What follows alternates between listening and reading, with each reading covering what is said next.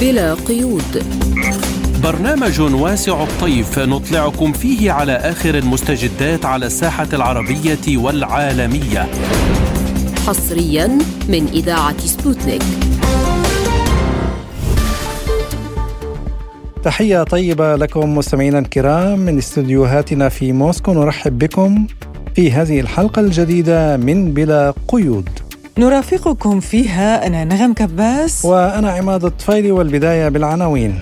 بلينكين يعلن أن أوكرانيا مستعدة لإجراء محادثات مع روسيا لكن بأي شروط؟ المغرب يعلن عن حصيلة جديدة لضحايا زلزال الحوز. لافروف يعتبر قمة مجموعة العشرين نقطة تحول لضمان توازن المصالح في الاقتصاد العالمي. سوريا تطالب الأمم المتحدة بدفع الولايات المتحدة تعويضات لنهبها النفط السوري. لازلتم تستمعون إلى برنامج بلا قيود. وإلى ملف الأزمة الأوكرانية حيث قال وزير الخارجية الأمريكي أنتوني بلينكين إن أوكرانيا ستتفاوض إذا كانت هناك مبادرة من روسيا. وتابع بلينكين قائلا بالضبط كيف سينتهي كل هذا وأين سيتم رسم الخطوط؟ يجب أن يقررها الأوكرانيون. أما بالنسبة للمفاوضات فإن رقصة التانجو تحتاج إلى طرفين. حتى الآن لم نرى أي علامات على أن فلاديمير بوتين مهتم وقال إذا أراد ذلك فأعتقد أن الأوكرانيين سيكونون أول من يدخل في المفاوضات. وللتعليق على هذا الموضوع نستضيف من برلين الخبير في الشأن الأوروبي الأستاذ أكسم سليمان. أهلا ومرحبا بك أستاذ أكسم في حلقة اليوم من البرنامج. ونسألك مباشرة يعني وزير الخارجية الأمريكي أنتوني بلينكين يقول إن أوكرانيا ستتفاوض إذا كانت هناك مبادرة من روسيا وهناك كما هو معروف يعني تصريحات متكررة من موسكو وهي تعلن استعدادها للجلوس إلى طاولة المفاوضات برأيك لماذا هذا التجاهل الأمريكي؟ أعتقد الرأي الأمريكي ظاهره التفاوض لكن باطنه أمر آخر يعني لو كان التفاوض بحد ذاته فلا أحد مضطر لانتظار المبادرات بإمكان هذا الأحد رفع سماعة الهاتف والتواصل مع الجانب الآخر. إنما خروج هذا الكلام من وزير الخارجية الأمريكي وليس الأوكراني الآن وتجاهل العروض الروسية المتكررة يعني أن الأمريكيين في نهاية المطاف ينتظرون عرضا مختلفا عرضا تتنازل فيه روسيا عن مطالبها أو بعضها على الأقل. تلك هي ربما الترجمة العملية لهذا التصريح الدبلوماسي الذي يبدو هادئا للوهلة الأولى نعم يعني إذا انتقلنا إلى مجموعة العشرين الدول النامية المشاركة في هذه المجموعة وفي هذه القمة رفضت أن يكون هناك أي أمور تتعلق بأوكرانيا ويعني وجهت سياسة الدول المشاركة حسب ما تراه هي مناسبا هل هذا يعني بأن هذه الدول أصبحت اليوم مؤثرة على الساحة الدولية والعالمية؟ أكيد أن أهمية هذه الدول زادت وأكيد أيضا أن حجم الغرب كقوة داخل هذه التجمعات الدولية قد نقص. والأهم من النقطتين أن الأمر يتعلق بما هو أكثر من أوكرانيا، الأمر يتعلق بالسؤال التالي، هل أنت من تضع لي دائما الأجندة والأولويات والتصريحات التي يجب علي تبنيها والتوقيع عليها أم أنا أيضا لي كلمة كدولة لست الولايات المتحدة الأمريكية ولا أنتمي إلى الغرب الجماعي، الجواب في قمة العشرين كان إذا كان الغرب يريد الحديث عن مبادئ دولية كالحفاظ على وحدة الأراضي وسلامة الدول وغير ذلك فهذه أمور متعارف عليها نوقع عليها. لكن إذا أراد إقحام الملف الأوكراني في كل شيء فنحن نرفض هذا الشيء وهنا عمليا النجاح الدبلوماسي الروسي. في هذه النقطة تحديدا في رفض دول أخرى لإقحام القضية الأوكرانية لتكون القضية العالمية رقم واحد كما يريد لها الغرب أن تكون. أستاذ أكرم يعني المفوضية الأوروبية وصفت أوكرانيا والتوترات الجيوسياسية بأنها مخاطر رئيسية تخلق حالة من عدم اليقين في اقتصاد الاتحاد الأوروبي. يعني طالما أن الأمر هكذا لماذا يعني تواصل وتستمر الدول الأوروبية في فرض العقوبات على روسيا؟ أعتقد هنا أن أن الرؤية الأمريكية هي الأساس، صحيح أن التقييم الأوروبي سواء شعبيا أو اعلاميا أو سياسيا هو أن استمرار الوضع في أوكرانيا سيكون سيئا للأوروبيين، لكن الحكمة هي في الجزء الثاني من هذا من هذه الفرضية ومن هذا من هذه الرؤية. ماذا نفعل الآن؟ هل نتراجع عن الأخطاء التي قمنا بارتكابها؟ هذا الأمر لم يصل إليه الأوروبيون على المستوى السياسي على الأقل بعد، أم نستمر رغم أن هذه المنغصات ستستمر؟ الرأي الأوروبي ممثلا بفون دير لاين وبساسة أوروبيين جوزيف بوريل وغيرهم هو الاستمرار في هذا النهج سيرا على خط الولايات المتحدة الأمريكية مع الاعتراف هنا وهناك بأن الأمر صعب أو يؤدي إلى عوائق أو إلى نتائج سلبية حتى على الأوروبيين. يعني أيضا زيلينسكي اليوم طلب من الرئيس الأمريكي جو بايدن آه، صواريخ نوعية جديدة على الرغم من أنه يعني جميع الأسلحة التي أرسلت حتى الآن إلى أوكرانيا دمرتها روسيا بالكامل. ما فائدة هذه الصواريخ برأيك على المعركة وكيف سيكون الرد الروسي؟ زيلينسكي لا يريد صواريخ بذاتها ولا دبابات بذاتها ولا طائرات بذاتها يريد توريط الغرب في هذه الحرب بشكل أكبر فأكبر لأنه غير قادر وحده طبعا على التعامل معها. الموضوع معك حق لو كان تقني بحت لكن تحدثنا عن دبابات ليوبارد عن دبابات بريطانية وفرنسية نعم. وتشالنجر أيضا نعم والأمريكية حتى.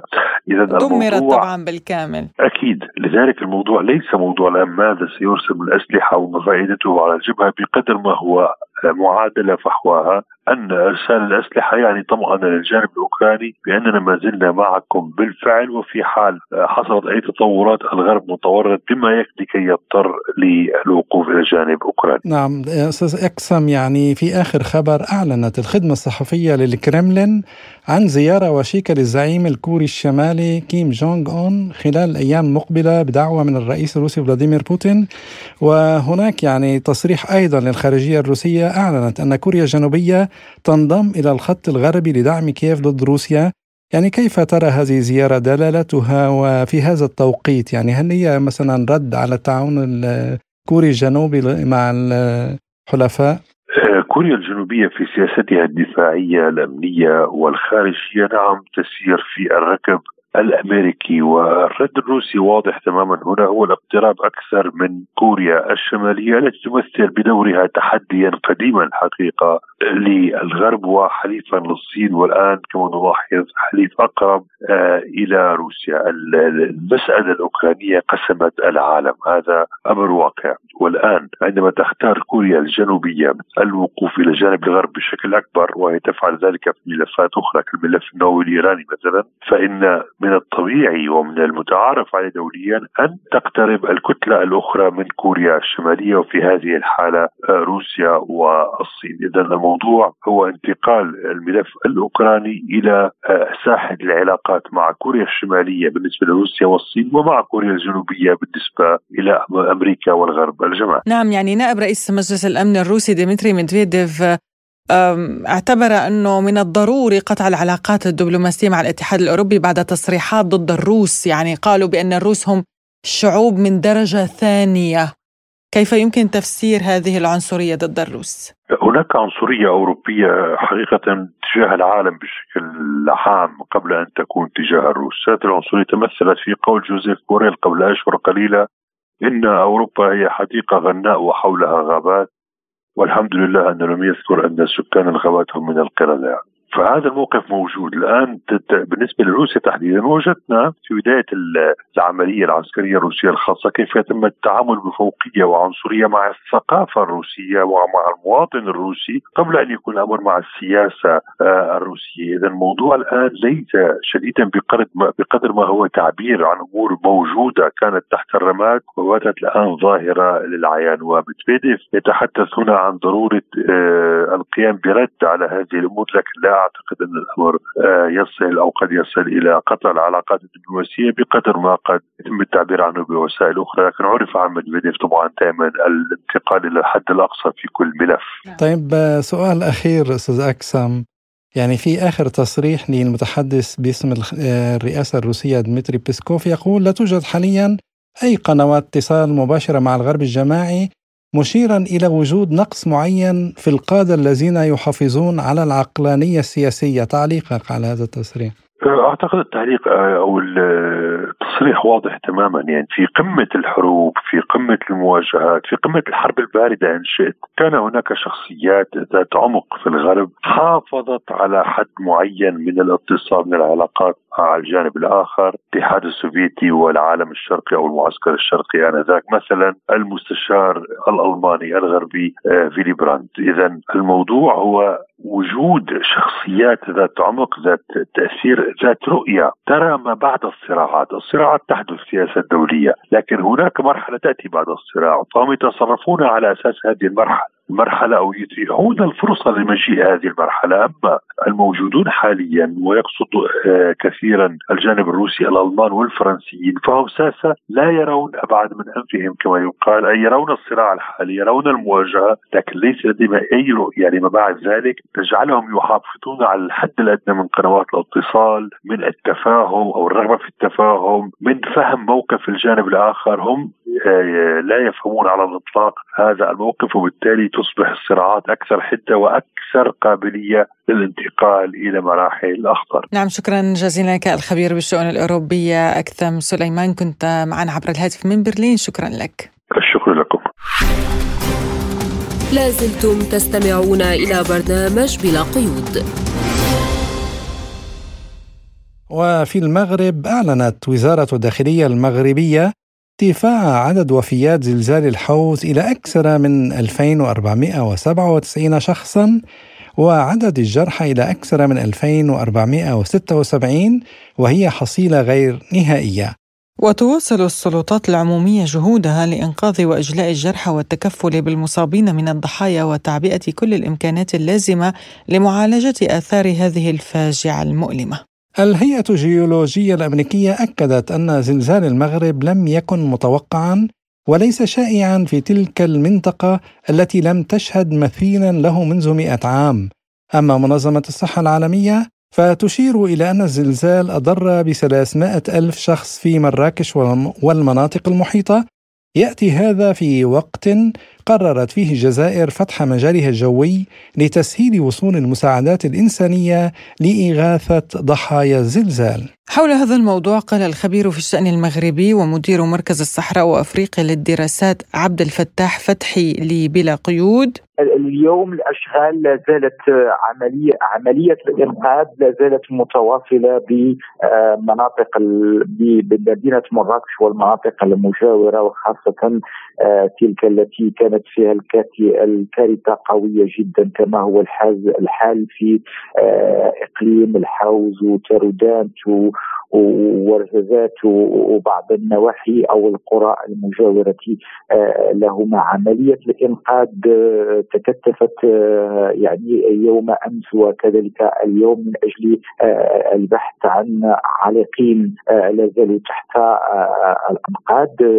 المملكة المغربية بدأت تتلقى مساعدات دولية من عدة دول. كانت هناك تعبئة دولية مهمة من حيث التعاطف مع المملكة المغربية وكذلك التضامن. اليوم المملكة المغربية كذلك هناك تعبئة واسعة على مستوى المجتمع المدني وكافة الهيئات بالإضافة طبعا إلى التعبئة الكبيرة التي خصصتها السلطات المغربية بعد يعني اهتمام ملكي كبير والدعوة إلى تسريع وتيرة البحث عن ناجين هناك هناك عملية الإسعاف متواصلة على كافة المستويات الصحية والطبية ومن خلال الإنقاذ ومن خلال كذلك الدعم النفسي وكذلك تقديم المعونات الغذائية والأغذية. وفيما يخص المساعدات الدولية غير الكافية التي تصل من المجتمع الدولي يقول فتحي. وفي الحقيقة المغرب يحتاج إلى دعم كثيف ولكن هناك آه، اليوم تأكيد على أن المملكة المغربية آه، قادرة على احتواء الكارثة والأزمة. لذلك المملكة المغربية تتعامل بحذر شديد مع مجموعة من العروض المتعلقة بالمساعدات يعني الدولية. لذلك تم الترخيص لبعض الدول مثلا كالإمارات وكذلك قطر ووصول كذلك فرق الانقاذ إسبانيا ومن الاردن ومن تونس ومن بعض الدول العربية الشقيقة. لكن كذلك هناك مزيد من العروض لتقديم المساعدات الدولية تنتظر أنها تنتظر إشارة من المملكة المغربية. اليوم المملكة المغربية تبدي استعدادا كبيرا بانها تتوفر على الامكانيات اللوجستية.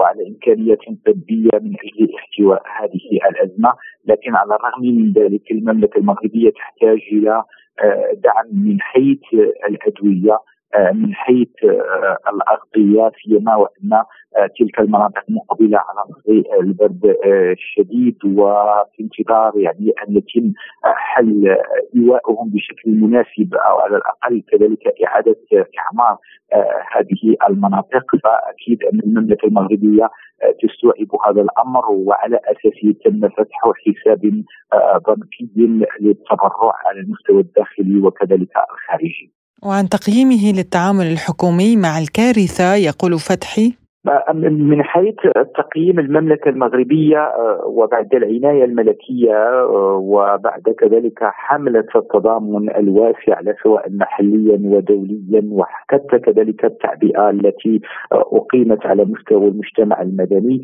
يمكن القول بأن المملكة المغربية وفرت كافة الإمكانيات إلا في بعض الحالات المتعلقة بانهيارات جبلية في بعض المناطق وعدم القدرة للوصول آه، إلى بعض القرى النائية بسبب صعوبة آه، المسالك الوعرة في هذه المناطق لأنها هي آه، مناطق جبلية، لكن المملكة المغربية أمنت يعني كافة الإمكانيات للوصول إلى كافة المناطق المتضررة. وطبعا هذا هو الذي حصل. آه، إن لم نقل كان هناك آه، شيء ما من التغيير الخارج آه، من من التأخير الخارج عن الإرادة بسبب فجائية يعني هذا الزلزال المدمر التي لم يكن أبدا في حسابات يعني صناع القرار المغاربة لأنه لم يعيش المغرب زلزالا مدمرا كهذا منذ آه، مئة سنة.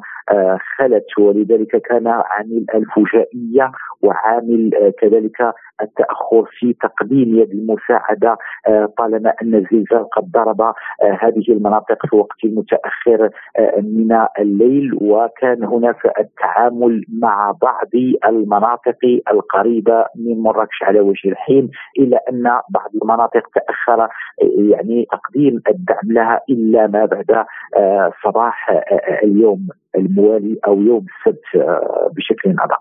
وعن مميزات هذا الزلزال من الناحية الجيولوجيه يقول فتحي نعم. زلزال هذه المرة كان ربما الأكثر تدميرا بالنظر إلى أنه سجل على سلم ريشتر في رقم سبع درجات وطبعا هذه شديدة الخطورة. مقارنة مثلا مع زلازل سبقت كما هو الحال مثلا بزلزال حسيمة الذي كان أقل ضرر لكنه كان كذلك هو الآخر مدمر بحيث تجاوز عدد القتلى 600 قتيل لكن بالنسبة لإقليم الحوز ومراكش وتردان كان أكثر أكثر يعني تدميرا وطبيعي هذا يعود إلى طبيعة يعني التضاريس أو البنية الجيولوجية لهذه المناطق الجبلية. استمعنا إلى تعليق الخبير في الشأن المغربي ومدير مركز الصحراء وأفريقيا للدراسات عبد الفتاح فتحي. ونبقى في شمال أفريقيا حيث تفيد آخر الأنباء الواردة من ليبيا بأن عدد ضحايا العاصفة دانيال التي ضربت مناطق ومدن عدة بشرق البلاد مؤخرا ارتفع إلى أكثر من 100 قتيل. وأفاد مدير مستشفى تاكنس العام خالد عيسى بأن خمس وفيات بسبب الفيضانات التي سببتها العاصفة وصلت إلى المستشفى فيما أعلن المتحدث باسم جهاز الإسعاف والطوارئ أن سبع ضحايا كحصيلة أولية جراء الفيضانات من مدينة سوسة.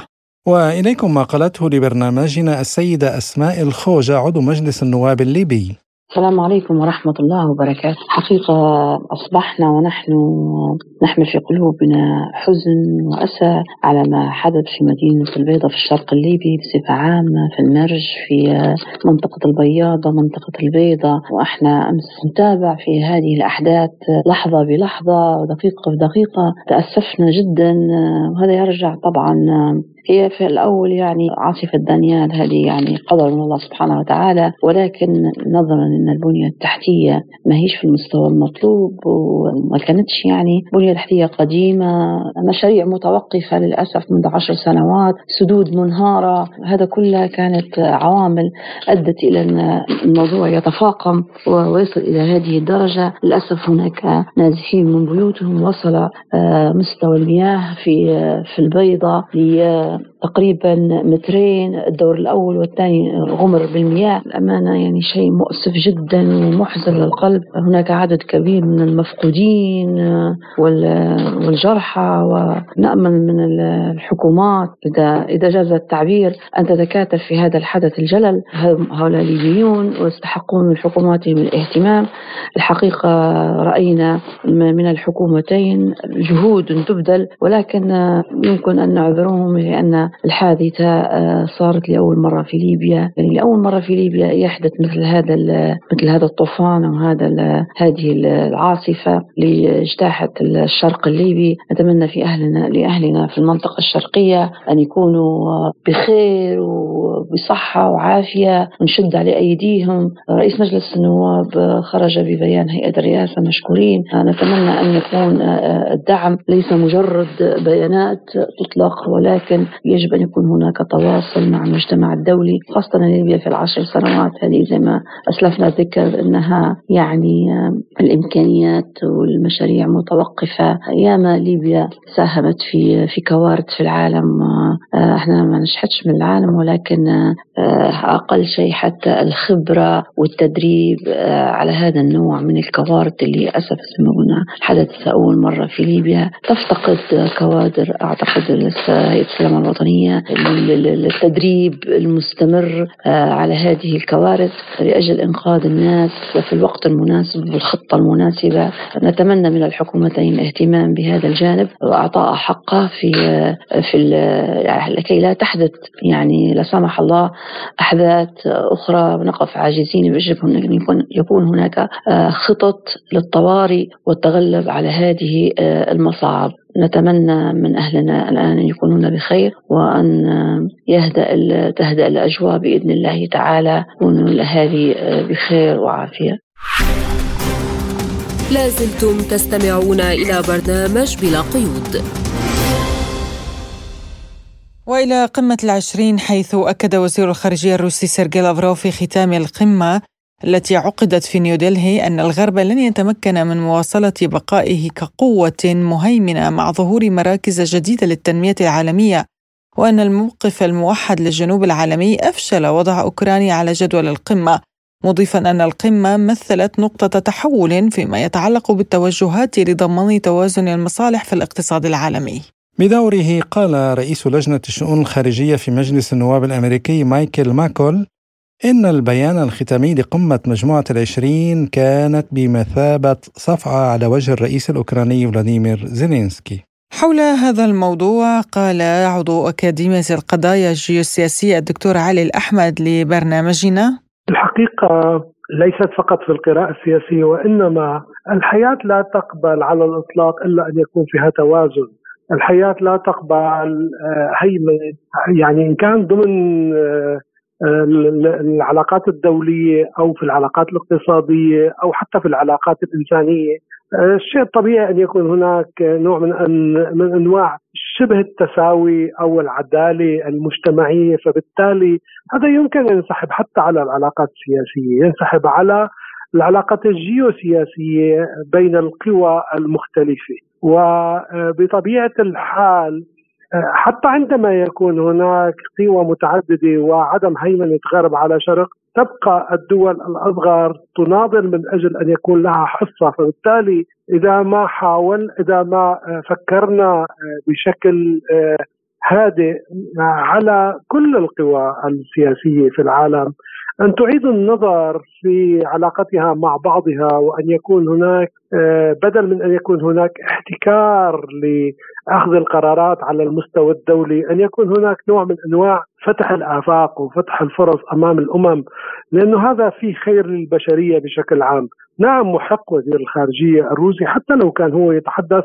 عن مصلحة روسيا آه، وقد يكون مصلحة حلفاء روسيا ولكن بالمعنى الأوسع حتى لهذا الخطاب على الأمم وفي يوم من الأيام صفدت الأمم وخرجت من عصبة الأمم من هيئة عصبة الأمم إلى الأمم المتحدة وكان هناك شبه عقد آه، أممي بين هذه الدول ولكن هذا العقد الأممي لم ينفذ وكان هناك يعني توزيع آه، حصص في هذا العقد الأممي بين الدول الخمس التي هي آه، لها العضوية الدائمة في مجلس الأمن الدولي.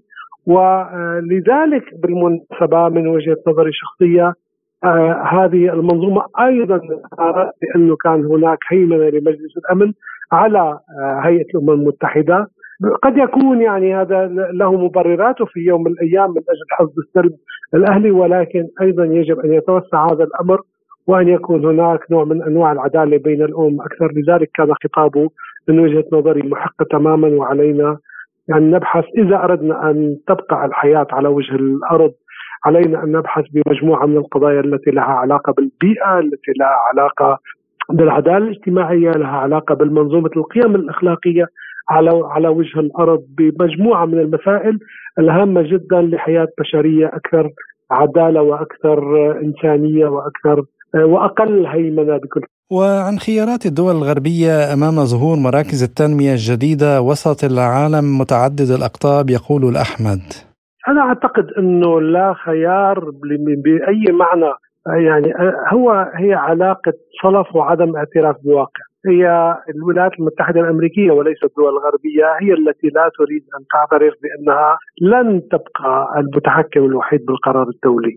وهي تهيمن على حلفاء قبل ما تريد فرض رأيها على خصومها وأعدائها. هي تهيمن على حلفائها بموجب تلك القواعد المنتشرة من اليابان إلى ألمانيا إلى فرنسا إلى غيرها من الدول الغربية وخاصة في دول أوروبا الشرقية. وهي تريد أن تهيمن من خلال سيطرة الدولار وسيطرة منظومة السويفت والسيطرة المالية إضافة طبعا لحوامل حملات الطائرات على على على في في المحيطات وفي كل مكان. هي هي تريد أن تبقى هي الدولة المهيمنة حقيقة. هذا الأمر لن لن يستمر لن يستمر. ليس لأننا ضد الولايات المتحدة الأمريكية وإنما نحن ضد الأحادية في العلاقات الدولية فقط فهذا لن يستمر. الآن الغرب وخاصة هنا يعني بين الغرب أنا أميز الألمان بالذات لن يتمكن الألمان إلا أن يعني أن يستمروا آه، إلا إذا كان لهم علاقات جيدة مع روسيا الاتحادية. ومصيرهم ومصير روسيا في هذا الموضوع هو مصير مح يعني محتوم أو حتمي في إعادة ترتيب العلاقات فيما بين هذين هاتين الدولتين الكبريتين بمعنى أو بآخر. الغرب فرنسا لها سمات وميزات، إيطاليا لها سمات وميزات، نوع من أنواع يعني عندما كان هناك توازن في المنظومة العالمية بين قطبين كانت هذه الدول لها كلمتها نسبيا. يعني عندما كان موجود الاتحاد السوفيتي كان لها كلمتها حتى في منظومتها. أقصد هنا في حلف شمال الأطلسي. الآن لم يعد لها الكلمة وهي مظلومة كما الشرق مظلوم من قبل الولايات المتحدة الأمريكية. ويعني أنا أعتقد أنه في لحظة ما هناك انتفاضة آه، إن تمكنوا على الولايات المتحدة الأمريكية لإعادة العقل إلى الرأس والتفكير بحكمة أكثر وهذا الأمر يعني ليس بعيدا. الآن بدأوا يتململوا من هذه المعركة على الأرض الأوكرانية وهذه وهذا التململ هو تململ محق.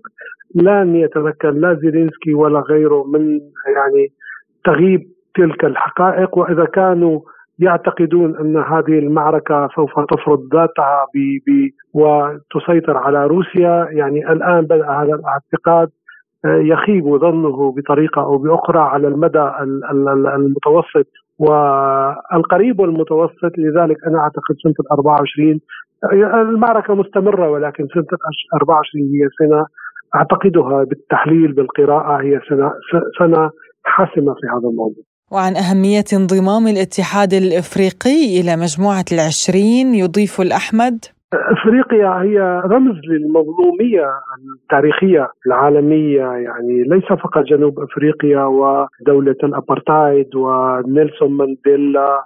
لا كل أفريقيا حقيقة هي رمز هي رمز لاستلاب الإرادة للاستعمار.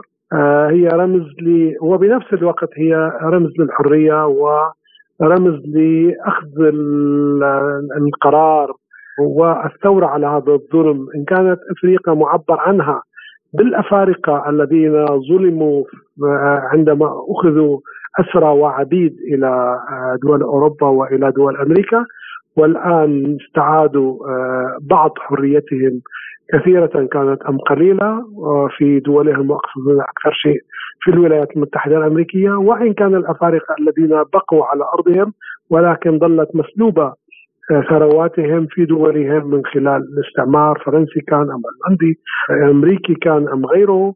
آه، الآن هناك محاولة استعادة آه، من أول وجديد بعد أن حاولوا استعادة هذا هذا الموضوع من خلال منظمة عدم الانحياز من خلال التحالف مع الاتحاد السوفيتي في يوم من الأيام. الآن بعد آه، انهيار تلك المنظومات إلى حد كبير الآن تحاول أفريقيا أن تنتفض من أول وجديد وتستعيد آه، قرارها السيادي السياسي من خلال انضمامها إلى آه، إن كان مجموعة العشرين أو من خلال انضمامها إلى البريكس وأن تستعيد قرارها السيادي السياسي في العالم وهي الإنسانية كل إنسان أصله أفريقي في نهاية الأمر. آه، كل إنسان عاوز مهما كان عينين زرقاوين يجب عليه أن يعرف أنه هو أصله كان من تلك المنطقة بالأساس. هذا من جانب من جانب آخر كل خيرات الكرة الأرضية. معظم خيرات الكرة الأرضية إذا ما تركنا روسيا الاتحادية كأكبر دولة هي أصلا يعني جزء كبير منها مصدرها أفريقيا وعليهم أن يأخذوا آه، يعني قرارهم بيدهم وزمام آه، آه، قرارهم بيدهم وهذا ما يحاولون فعله وعلينا أن نكون معهم. كان معنا عضو أكاديمية القضايا الجيوسياسية الدكتور علي الأحمد. لازلتم تستمعون إلى برنامج بلا قيود. ولدينا أيضا في بلا قيود سوريا تطالب الأمم المتحدة بتعويضات عن النفط المسروق من الجانب الأمريكي حيث اتهمت سوريا الولايات المتحدة الأمريكية وأدواتها من التنظيمات والميليشيات الإرهابية بمواصلة انتهاك السيادة السورية ونهب ثروات البلاد ومواردها الاستراتيجية. وقالت الخارجية السورية إن أضرار قطاع النفط والثروة المعدنية جراء النهب والتخريب الأمريكي بلغت أكثر من 115 مليار دولار من 2011 حتى يونيو حزيران 2023 وأن خسائر القطاع النفطي تبرز أن قيمة الخسائر المباشرة بلغت 27 مليار و500 مليون دولار مطالبة بمساءلة المسؤولين الأمريكيين عن السرقات وإلزام الإدارة الأمريكية بالتعويض عنها وإنهاء الوجود اللاشرعي للقوات الأمريكية وإعادة الأراضي التي تحتلها وحقول النفط والغاز للدولة السورية. وللمزيد حول هذا الموضوع ينضم إلينا عبر الهاتف النائب في البرلمان السوري عن محافظة الحسكة علي الجضعان أهلا وسهلا بك أستاذ علي في برنامجنا. يعني ونبدأ من توجيه الخارجية السورية لهذه الرسالة إلى الأمين العام للأمم المتحدة حول سرقة النفط السوري من قبل الولايات المتحدة الأمريكية، هل تتوقع أن يقوم الأمين العام للأمم المتحدة بأي إجراء أو المجتمع الدولي؟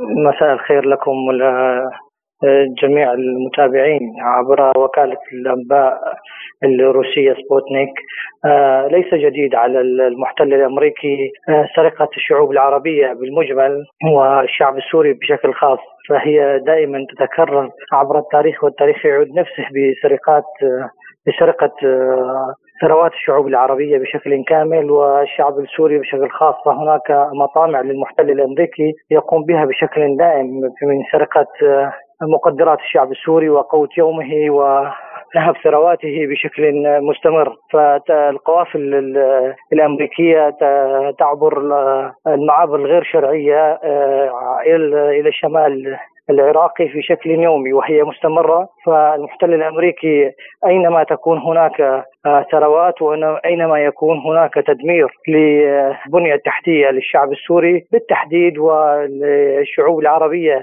آه، بالمجمل أن يضع يده عليها آه، هي دائما تكون وضع يد بجبروت قوة وبجبروت ميليشيات عميلة تعمل معها بشكل آه، بشكل آه، كامل وتأتمر بأمر الأمريكي بشكل كامل. فاليوم مثل ما يعلم المجتمع الدولي أيضا أن يقوم المحتل الأمريكي بالنهب اليومي للحركة اليومية للقوافل النفط السوري ومقدراته والحكومة السورية والخارجية السورية أيضا آه، أرسلت عدة رسائل إلى المجتمع الدولي وإلى الأمم المتحدة وإلى المنظمات الدولية والبرلمانات العالمية تخاطبه بسرقة مقدرات الشعب السوري. المحتل الأمريكي لا يستجيب بشكل دائم إلى آه، إلى تلك الرسائل ولا ولا نرى أي استجابة بشكل دائم من المحتل الأمريكي بسرقة مقدرات الشعب السوري والضغط على الحكومة السورية لاستجابة لمطالب آه، غير محقة بمقدرات الشعب السوري فيعيش الشعب السوري أيضا اليوم بذانقه اقتصادية وقانون آه، قيصر الذي آه، فرض العقوبات على مقدرات مواطنين من أطفال وشيوخ ونساء ومثل ما تعلمون آه، كان هناك أيضا زلزال في الشهر الثاني تعرضت له الجمهورية العربية السورية في عدة محافظات أثر على البنية التحتية ومقدرات المواطنين فأصبحت الجائحة هي جائحتين أيضا لدى الشعب السوري والمحتل الأمريكي آه، يضع مقدراته وقواته تنتشر على منابع النفط في الجزيرة السورية وسلة سوريا الغذائية في الجزيرة السورية من من مقومات اليومية للشعب السوري. دائما هو يضع العصي في العجلات في أي تفاوض في أي عملية سياسية يقوم فيها آه، يدعم ميليشيات آه، بشكل دائم أن تكون هناك طريقة لمقاومات الشعب السوري. فليس بجديد عليهم وليس في نرى هناك تقدم في في الجانب الأمريكي سواء كان من قبل المحتل كمحتل أمريكي أو قبل ما يسمى التحالف بشكل دائم. فهناك عمليات سرقه وعمليات آه، نهب للثروات آه، يراها المواطنون بأم أعينهم بشكل يومي. قوافل النفط السوري التي هي أحق لأبنائنا السوريون في جميع أرجاء الجمهورية العربية السورية هي تكاد تكون يومية باتجاه شمال السوري من مقدرات من ثروات باطنية ومن نفط ومواد غذائية بشكل كامل. هي عماد المواد الغذائية تكون النفط آه، القمح في في موسم زراعي كان وفير في الجزيرة السورية بينما هو أحوج إلى ابنائنا السوريون في الجمهورية العربية السورية في ظل حصار خانق على أبنائنا وإغلاق كافة المعابر على الحكومة السورية بإدخال الأدوية وإدخال مستلزمات طبيه وإدخال الحاجات اليومية للمواطنين. فالمحتل الأمريكي دائما يسعى لضغط على المواطن قبل أن يكون هناك ضغط على الحكومة فالعقوبات هي موجهة للمواطنين آه، التي تستهدف آه، عمل قوتهم اليومي ومقدراتهم اليومية والبنية التحتية للمجتمع السوري بشكل كامل. فنحن آه، كأبناء سوريون وعبر منبر إذاعتكم نطالب المجتمع الدولي كمواطنون سوريون وكممثلون عن الشعب السوري في في مجلس الشعب السوري أن آه، آه، يكف المحتل الأمريكي ويرفع يده مقدرات الشعب السوري التي هي حق لأبنائنا السوريون في في الجمهورية العربية السورية. عندما يتعلق الأمر بأوكرانيا يطالبون روسيا بدفع تعويضات بل يقرصنون الأرصدة الروسية في البنوك الأمريكية ويرسلونها إلى كييف دون أي رادع، يعني ما سبب تصرف المجتمع الدولي بهذه الطريقة برأيك؟ القانون الدولي آه، آه، صاغته مجموعة من الأقوياء وعلى رأسها المحتل الأمريكي. فمتى يكون الموضوع يخص الشأن الأمريكي؟ آه، هناك سياسة الكيل بمكيالين.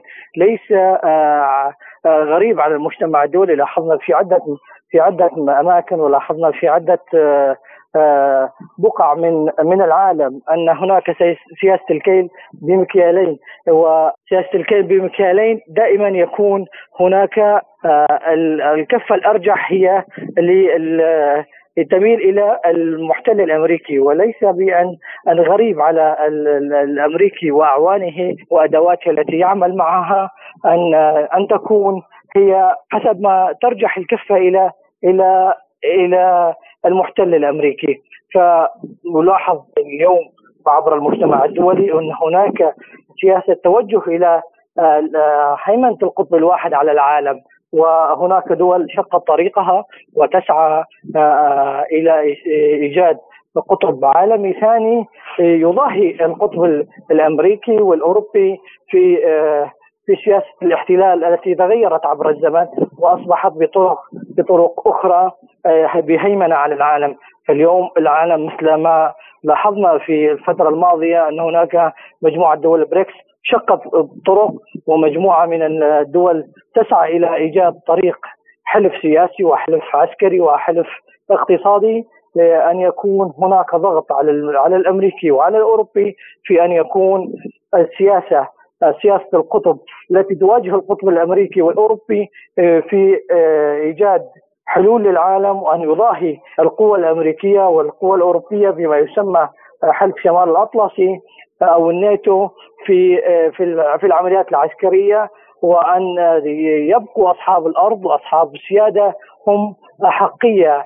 فالأصدقاء الروس عملوا في الجمهوريه العربية السورية وعملوا في بقاع أيضا مع كثير من دول العالم أن يكونوا أصحاب الأرض هم وأصحاب السياده أن يحققوا إحقاق مقدراتهم والسيطره على أراضيهم والاستفاده من من ثرواتهم الطبيعية وأن يكونوا هم أولياء أمورهم وإدارة شؤونهم بأنفسهم. ليس بجديد على الأصدقاء الروس مثل ما يحصل اليوم في في الحرب الروسية الأوكرانية أن يكون هناك تهديد للأمن القومي السوري الروسي وأمن القومي العالمي في الحرب الروسية الأوكرانية.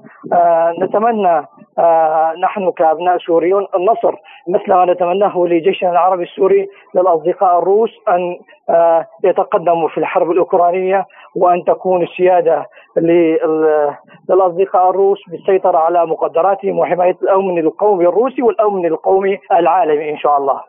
نعم أستاذ علي يعني ما الخيارات المطروحة اليوم أمام دمشق لاستعادة السيطرة على ثرواتها المنهوبة في حال لم تستجب الأمم المتحدة.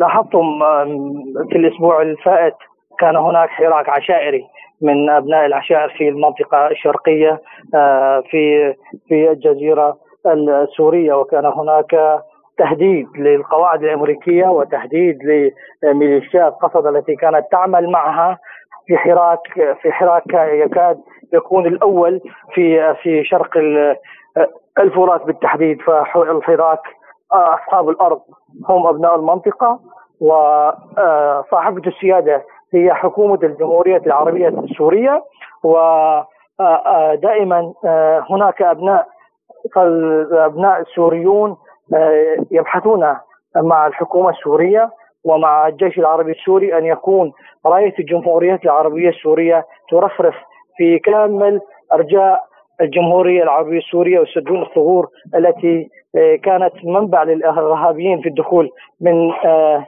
من عدة أماكن ومن المحتل الأمريكي جلبهم إلى الجمهورية العربية السورية.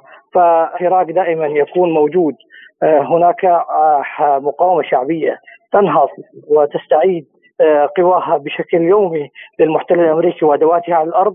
وهناك أيضا إن لم يكن هناك حلول سياسية. أيضا نحن قاتل الجيش العربي السوري في كامل أرجاء الجمهورية العربية السورية وهي جبهة من جبهاته في في الجزيرة السورية. يكون هناك أيضا يتجه إلى أي عمل آه، أبناؤنا السوريون على الرحب والسعة يرحبون بالجيش العربي السوري وبقيادتهم السياسية والعسكرية ويكون رديف أيضا للجيش العربي السوري وطرد المحتل الأمريكي وأدواته من آه، آه، من شرق الفرات واستعادة الثروات المنهوبة على أيدي القوات الأمريكية المحتلة وميليشياتها العميلة التي تعمل معها على الأرض إن شاء الله. النائب في البرلمان السوري عن محافظة الحسكة علي جدعان شكرا جزيلا لك لازلتم تستمعون إلى برنامج بلا قيود وفي ملفنا الاقتصادي إنشاء الممر الاقتصادي بين الهند والشرق الأوسط وأوروبا حيث أعلن الرئيس الأمريكي جو بايدن عن خطة لبناء ممر للسكك الحديدية والشحن يربط بين إسرائيل والهند والسعودية والإمارات والأردن والاتحاد الأوروبي بهدف زيادة التجارة والتعاون السياسي. وقال بايدن خلال قمة مجموعة العشرين في الهند هذه صفقة كبيرة حقا فيما قال سوليفان مستشار الأمن القومي لبايدن إن المشروع يعكس رؤية بايدن لاستثمارات بعيدة المدى متابعا بقوله إن البنية التحتية المحسنة ستعزز النمو الاقتصادي وتساعد على جمع دول الشرق الأوسط معا وترسيخ تلك المنطقة كمركز للنشاط الاقتصادي بدلا من أن تكون مصدرا للتحدي أو الصراع أو الأزمة على حد قوله. وللحديث حول هذا الموضوع ينضم إلينا عبر الهاتف من الرياض أستاذ الاقتصاد الدكتور محمد دليم القحطاني. أهلا بك دكتور عبر سبوتنيك ونبدأ من أهمية هذا المشروع برأيك كيف سيدعم اقتصادات دول الخليج والسعودية بشكل خاص؟ طبعا آه هذا المشروع بيكون آه آه هو اقتصادي بامتياز سيعمل حقيقة سيعيد آه، هيكلة ومفهوم العولمة العادلة وسيعزز من آه، موقف آه، الحركة اللوجستية العالمية ويعني وأيضا سيرفع من النواتج المحلية للدول المساهمة في هذا المشروع بنسبة أكثر من 30% وأيضا معها ستتعزز الصناعة الصادرات والواردات وتتشكل التجارة البينية بين الدول اللي يربطها القارات الثلاث اللي هي الشرق والغرب وكذلك الشرق الأوسط كذلك اللي هو غرب وشرق آسيا وكذلك الدول الأوروبية كل هذه حقيقة ستتعزز عندهم هذا الفكر وهذا المفهوم يعني يعني هي ست ست هذا الربط يعتبر الربط واقعي يساهم فيه كل الدول يعني كلهم سيحرصون عليه لأنه حيكون منبع اقتصادي هام للجميع. أستاذ محمد يعني هل سيؤثر على مبادرة الصين الحزام والطريق برأيك؟ لا حزام الطريق طبعا آه، هو طويل ولكن الذكاء في هذا المشروع إنه سريع جدا وواضح المعالم وبالتالي آه، يعني والدول اللي آه، تربطها كلهم متحمسين لهذا المشروع بسبب جاهزيته وجدواها الاقتصادية السريعة، الهند لا ننسى هي خامس اقتصاد في العالم، الهند هي خامس اقتصاد في العالم، فبالتالي هذا يعزز موقف الهند آه، بأن آه، تزيد من صادراتها وأيضا يكون عندها متنفس هذا الطريق لأن تكتشف دول أخرى للمنتجات الهندية، لا ننسى أيضا تعتبر رقم صعب الهندي الهند في عملية التكنولوجيا والرقمنة آه، لما تمتلكه من عقول تقنية وأيضا استثمارات غربية موجودة في الهند كلها في مجال التكنولوجي، سيعول على الهند ستكون آه، آه، تايوان تايوان الاقتصاد الحديث إذا صح التعبير لأن العالم سيكون بحاجة إلى منتجات رقمية من الجيل الرابع والجيل الخامس والجيل السادس وأيضا الذكاء الاصطناعي، اذا ستكون الهند هي تايوان الاقتصاد الحديث.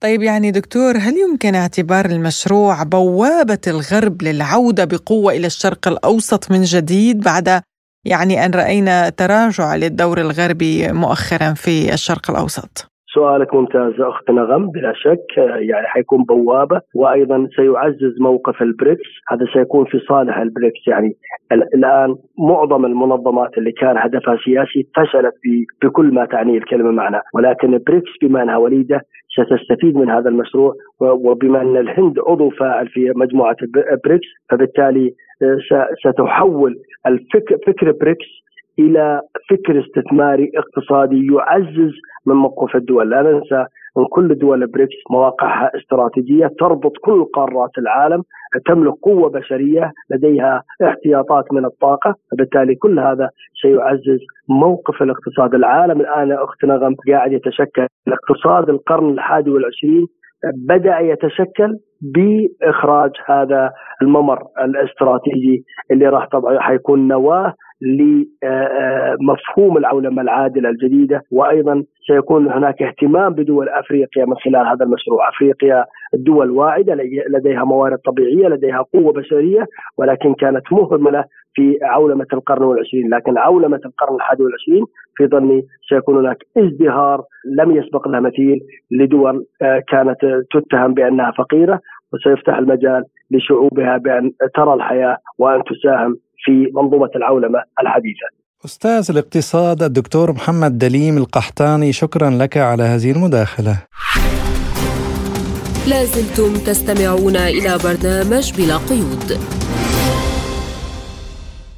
ونختم الحلقة بالملف اللبناني وما يحدث من اشتباكات في مخيم عين الحلوة حيث حذر الجيش اللبناني مجددا الأطراف المعنية داخل مخيم عين الحلوة من مغبة تعريض المراكز العسكرية وعناصرها للخطر مؤكدا أن الجيش سيتخذ الإجراءات المناسبة وذلك بعد إصابة خمسة عسكريين أحدهم بحالة حرجة. بدوره قال نائب الأمين العام لحزب الله اللبناني نعيم قاسم إن ما يجري من اقتتال في مخيم عين الحلوة هو تقاتل بين الأخوة وضغط على الناس ولا يوجد رابح على الإطلاق وهو عمل يخدم الكيان الصهيوني. وللوقوف على تفاصيل هذا الموضوع ينضم إلينا عبر الهاتف من بيروت المسؤول الإعلامي في السفارة الفلسطينية وسام أبو زيد.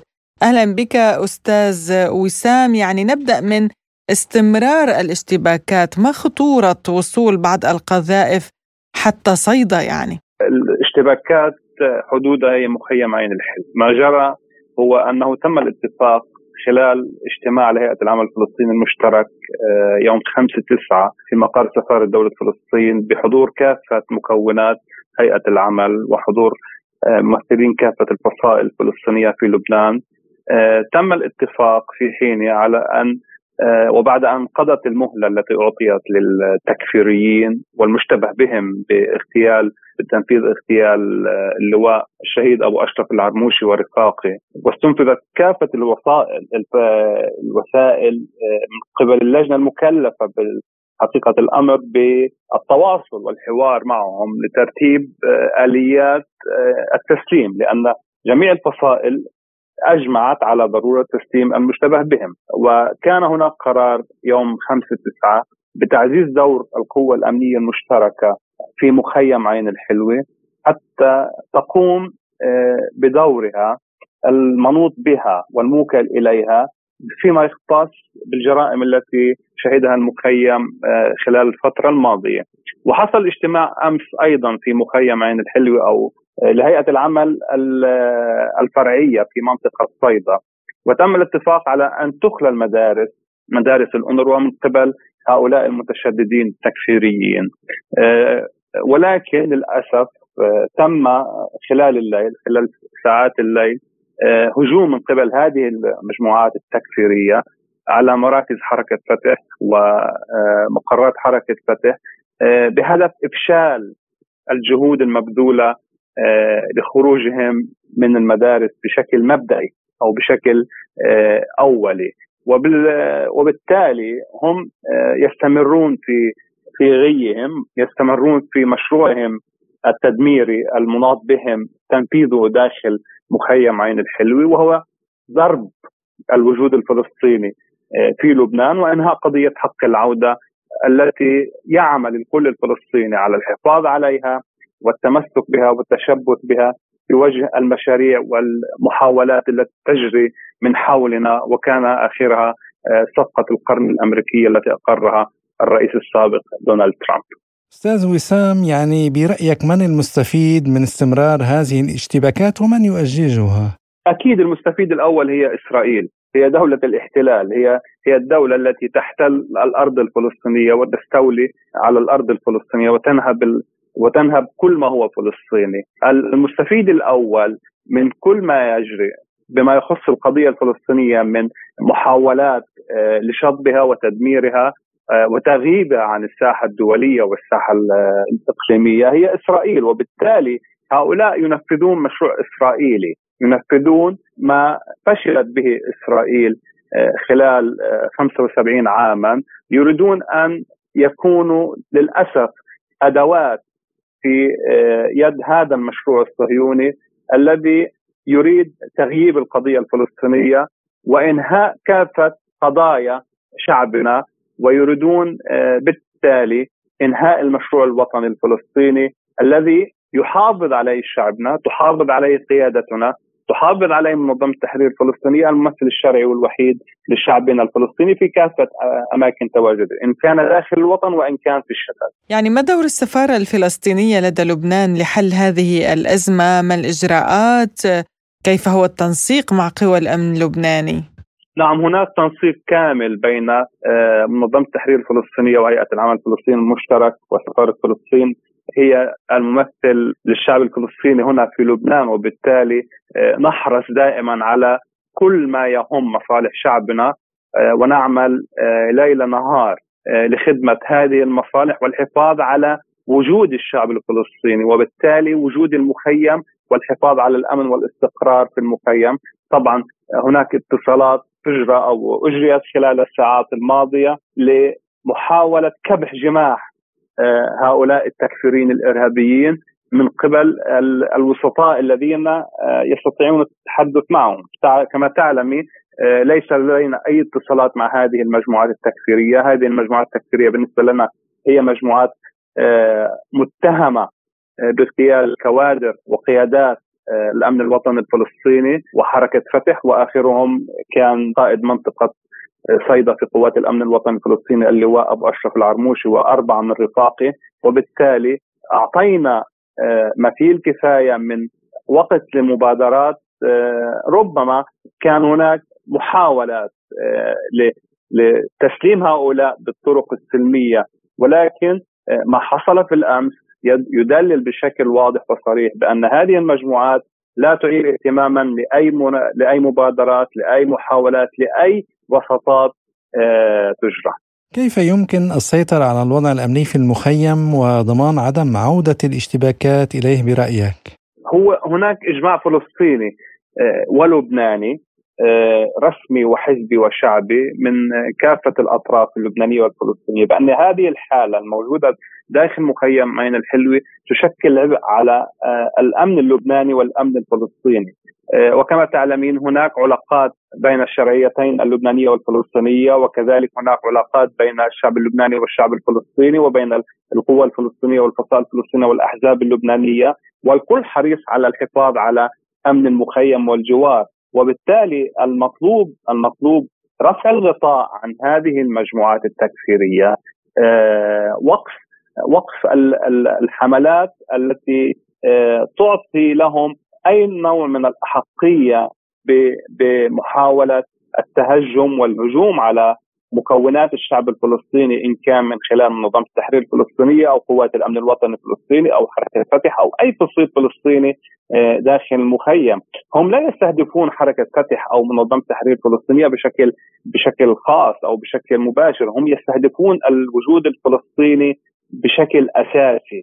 الهدف من هذه المجموعات التكفيريه والإرهابية كما قلت آه، سابقا هو الوجود الفلسطيني والقضية الفلسطينية والمخيم الفلسطيني، هذا المخيم هو آه، مخيم فلسطيني مؤقت. البوصلة لهذا المخيم هي فلسطين. آه، من يريد حرف البوصلة عن المخيم لن يكون جزءا ولن يكون شريكا في في في العمل الفلسطيني أو في التواجد الفلسطيني. وبالتالي نعم هناك إجماع حتى من قبل الفصائل أو القوى الإسلامية داخل مخيم عين الحلوة آه، التي أجمعت وأدانت كافة عمليات الاغتيال التي نفذها نفذتها هذه المجموعات التكفيرية الإرهابية. المسؤول الإعلامي في السفارة الفلسطينية في بيروت وسام أبو زيد شكرا لك على هذه المداخلة. ختام الحلقة إلى اللقاء.